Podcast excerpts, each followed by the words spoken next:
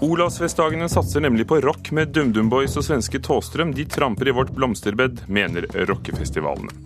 Staten kan ikke redde korpsene, foreldrene må bidra mer selv, mener Arbeiderpartiet.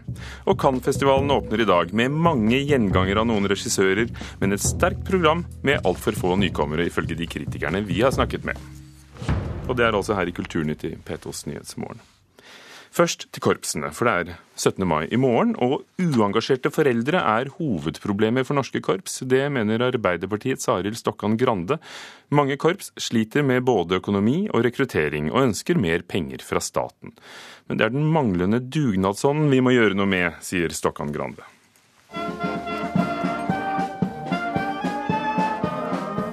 Grefsen skolekorps i Oslo er i full gang med utøvelser for å være klare til den store dagen. De har merket dalende interesse og vært et lite korps i mange år. Men nå må de ha venteliste for nye aspiranter, sier rekrutteringsansvarlig Kjetil Sjøeng. Og foreldre har ingen grunn til å frykte mye jobbing. Nei, det vil jeg helt klart ikke si. Eh, her på Grefsen så har vi eh, to eh, loppemarked i året som man stiller opp. Det er altså to helger i løpet av et år. Eh, og så er vi jo nå såpass mange medlemmer at det er også mange foreldre å dele organisasjonen og driften på. Så det, det er ikke mye arbeid. Men de siste fem årene har det blitt 3000 færre musikanter. President Per Kvistad Uddu i Norges Musikkorps Forbund mener staten gjør for lite for å hindre at korps blir lagt ned. Vi mener nå at norske myndigheter må må ta et krafttak for å bevare denne eh, delen av norsk kulturliv. Da. Det er noen grenser for hva vi kan gjøre fra statlig hold, fordi vi ser at 64 eh, korps er lagt ned de siste ti årene. Eh, sånn at til tross for økonomisk bedre forutsetninger, så er det fortsatt mange som sliter. Arild Stokkan Grande sitter i Stortingets kulturkomité for Arbeiderpartiet. Det er foreldrene som sitter med nøkkelen for å hindre at korps blir nedlagt. For uten at foreldrene lar barna gå i korps, er det heller ikke noe korps å gi penger til. Stokkan Grande tror mange frykter dugnadsjobbingen som følger med. Det er kanskje for enkelt i dag uh, å si at uh, uh, når det er noe krav om å stille opp, så lar man være. Og jeg mener at foreldre nok kan i større grad si at dette må vi stille opp for. I, i Korpsforbundet mener jo det at ikke rimelig at eh, foreldrene alene skal holde denne folkebevegelsen i hevd.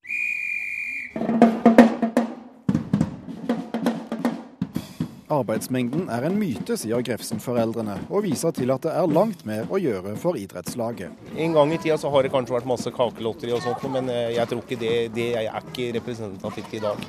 Det som folk kanskje blir skremt av, er jo at vi har loppemarkeder men det er klart, eh, du gjør det du føler du klarer. Og det er ingen som henger deg om ikke du er med på alt sammen. Medisinen Arbeiderpartiets kulturpolitiker foreskriver, er å lære av de som lykkes. Der eh, hvor man lykkes, så ser vi at foreldrene er engasjert. Eh, de stiller opp, både på dugnad, med kjøring. Og jeg tror at det har en stor smitteeffekt på ungene nå, når de ser at dette er noe foreldrene også er interessert i.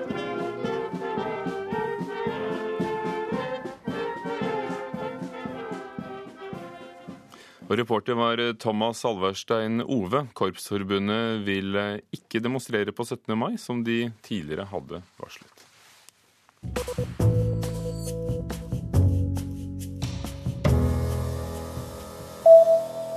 Som første mediehus snur VG i spørsmålet om hvorvidt norske papiraviser skal betale moms. For å sikre mediemangfoldet har papiravisene i alle år hatt momsfritak. Samtidig er det nå 25% moms på nettavisene. VG ønsker nå 8% moms både på papir og nett, og en momsendring vil koste norske papiraviser 700 millioner kroner i dag. Men denne endringen vil være viktig fordi dagens ordning forhindrer innovasjon, sier i hvert fall VGs digitalredaktør til Dagens Næringsliv. Og den meksikanske forfatteren Carlos Fuentes er død. Blant hans kjente romaner er Don Artemios død, Christoffer ufødt og Gamle Gringo. I dag er han en av verdens mest kjente spanskspråklige forfattere. Han døde i Mexico by i går, 83 år gammel.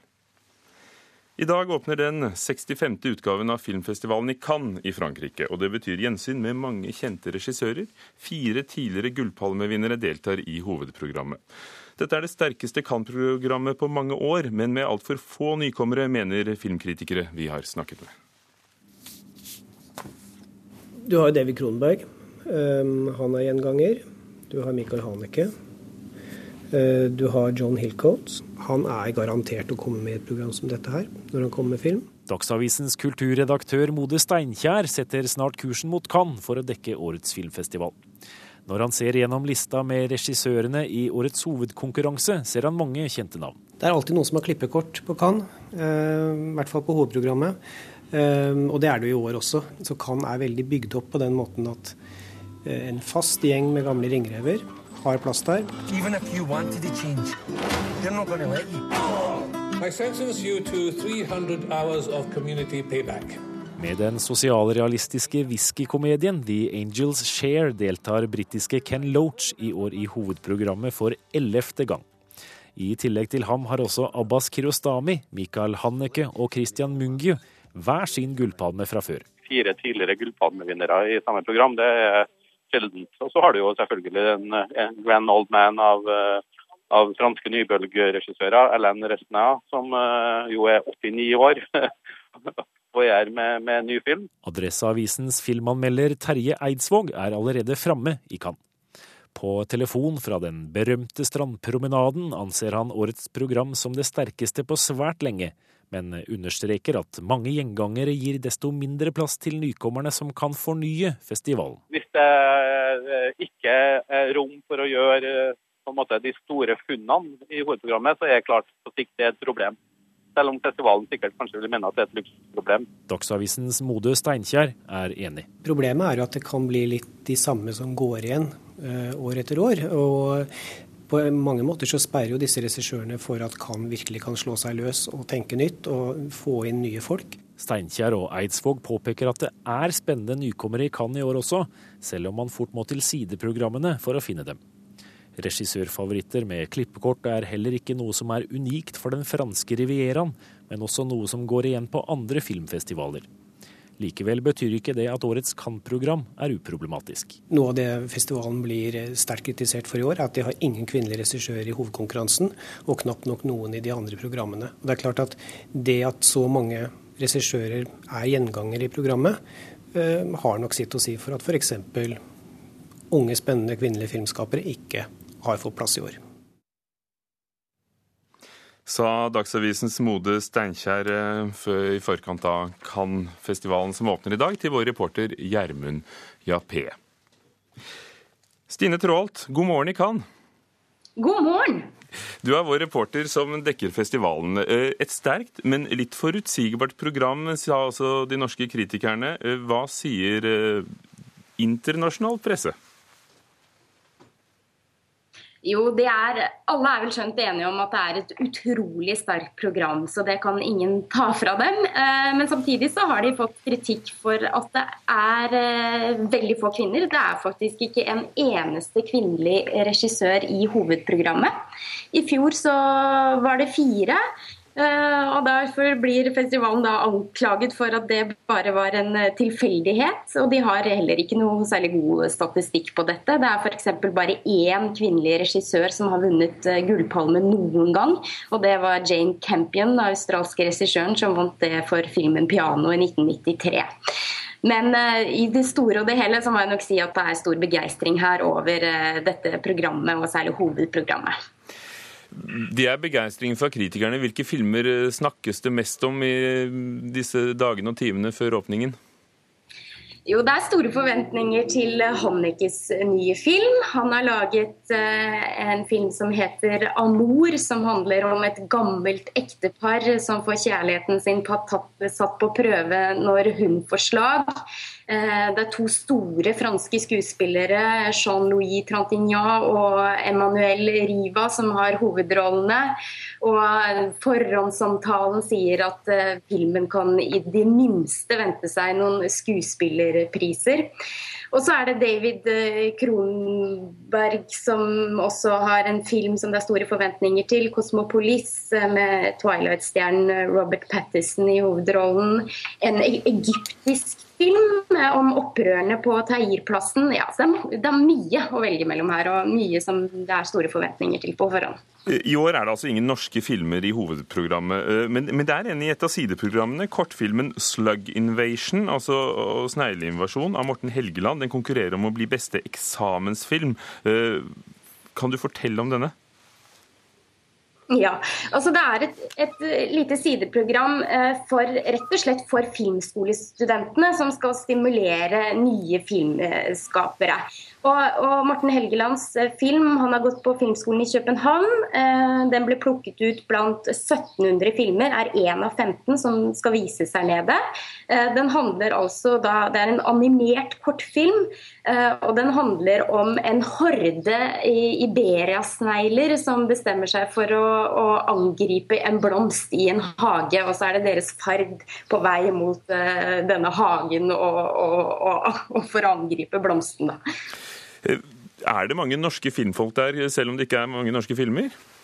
Ja, det er det. Fordi Cannes er jo en enormt stor uh, markedsplass. Uh, så Filminstituttet de er, her, uh, de er på plass her. de har med seg filmer som den nye dokumentaren om Ingmar Bergman og Liv Ullmann. Kompani Orheim, Kong Køling og Flukt. Eh, som de da prøver å selge på markedet her nede. Eh, det er jo veldig spennende å se hvordan det går med norsk film i år. For i fjor så kunne vi liksom ri litt på en bølge. Da hadde vi Oslo 31. august med her, eh, og alle snakket om den skandinaviske krimmen. Hodejegerne ble solgt til eh, ja, i hvert fall 50-talls land her nede. Eh, så det er spennende å se nå som ikke vi har en norsk film med i programmet, om vi vil se den samme suksessen for norsk film. Og I dag åpner Cannes-festivalen, og her hører vi mer fra deg, Stine Trål. Takk for at du var med nå i Kulturnytt. 17 minutter over åtte er klokken blitt til å høre på Nyhetsmorgen i NRK P2 Alltid nyheter. Hovedsaker i dag. I Syria arbeider leger med livet som innsats. Syriske myndigheter gir dem ikke tillatelse til å hjelpe.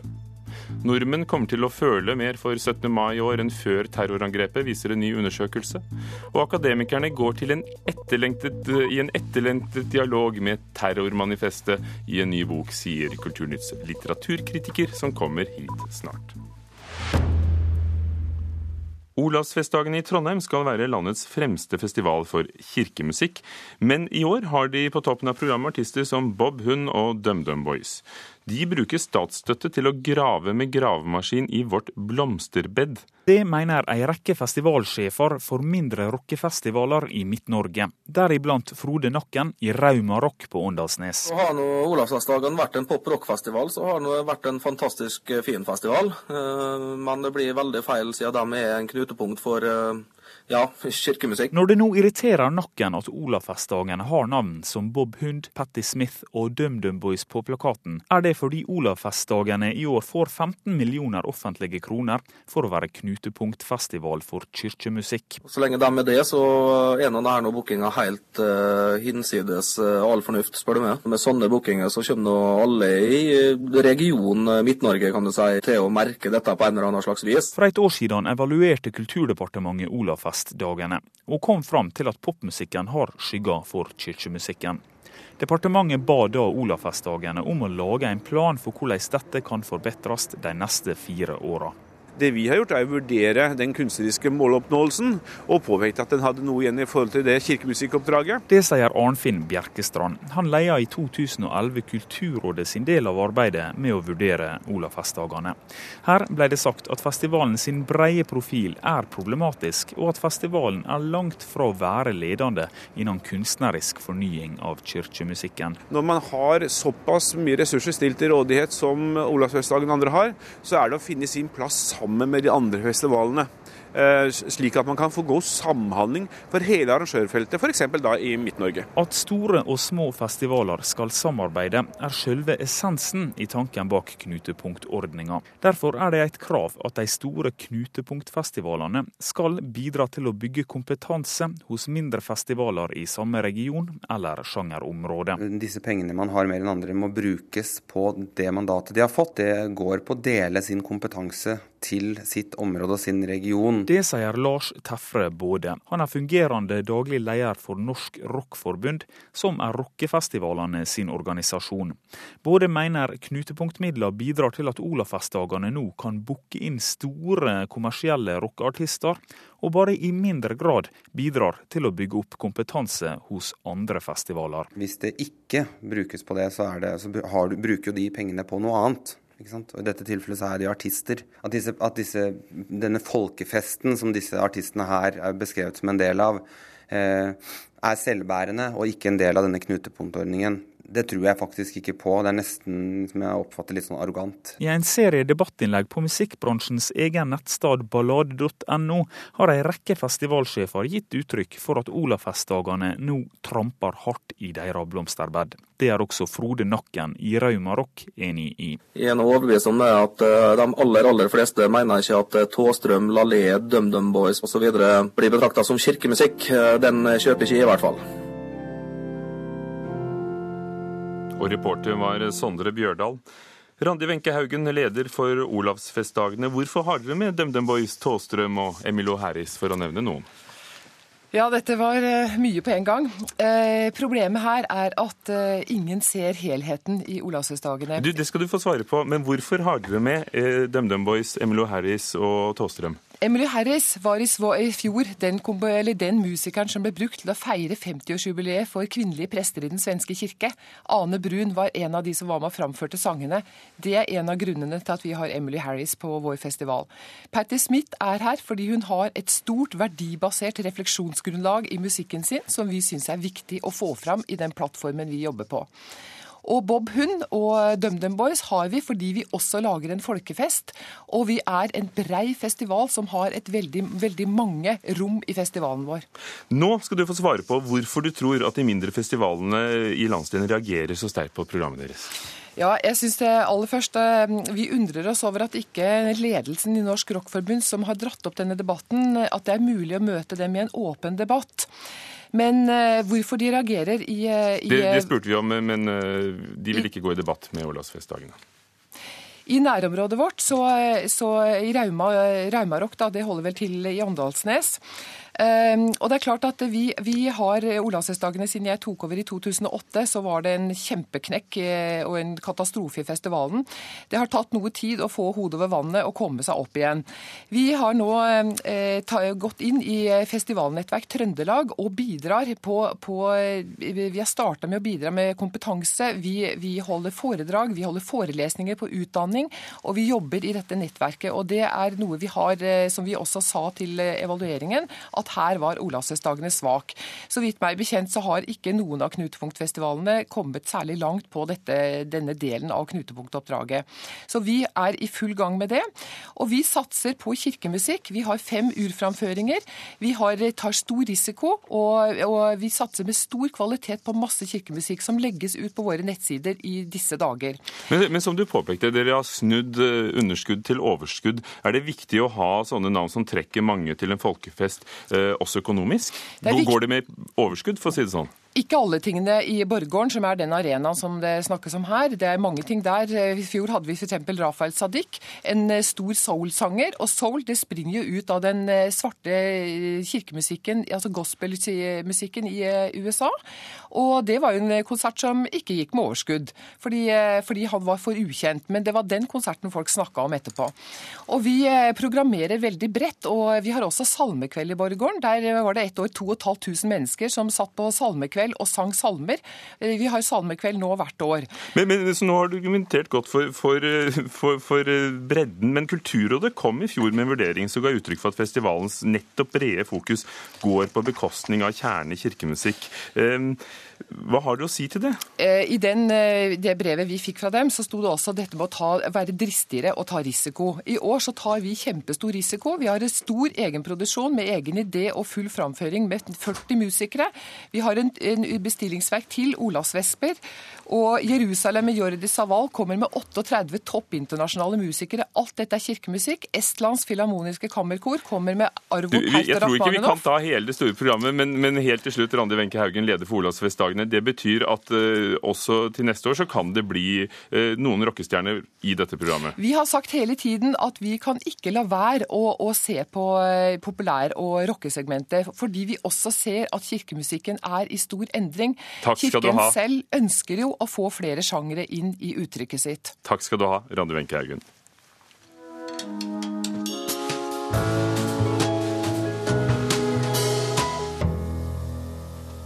En rekke norske akademikere har tatt for seg påstander i Anders Behring Breiviks eh, såkalte terrormanifest og behandlet dem kritisk. og Resultatet er blitt boken 'Motgift akademisk respons på den nye høyreekstremismen', som undertittelen er. Og Den omtalte vi her i Kulturnytt i går. Litteraturkritiker Knut Hoem, du har lest den. Trenger leserne denne boken? Ja, jeg syns det. Det har vært en uvilje i offentligheten mot å gå i dialog med Breiviks eh, manifest. Fordi eh, handlingene knyttet til manifestet eh, har eh, gjort, ført til at mange har tenkt at det å gå i dialog med manifestet er på en måte også å bidra til markedsføringen av det. Eh, Men manifestet fins jo der ute, og jeg tror jo at det generelt så har folk hatt en bratt læringskurve når det gjelder kontra-jihadisme og det tankegodset som Breivik er inspirert av. Og Da tror jeg også at det er nødvendig å gå tydeligere inn i selve manifestet, og det har da disse akademikerne gjort på en interessant måte. Eh, Målet er altså å gi en slags motgift mot høyreekstreme påstander, eh, sier de selv. Lykkes forfatterne? Ja, Det er et veldig interessant prosjekt, for her har du jo altså professorer og eh, mediefolk som er eksperter på hvert sine felt. Men jeg ser jo f.eks. at når professor Øystein Sørensen tar sine teorier om det totalitære og anvender det på dette manifestet, så oppstår det interessante ting. For da ser du plutselig at det er likheter mellom Breiviks tankeganger og f.eks. Ayatollah Khomeinis ideer om hvordan et samfunn skal se ut. Begge deler har tydelige totalitære trekk.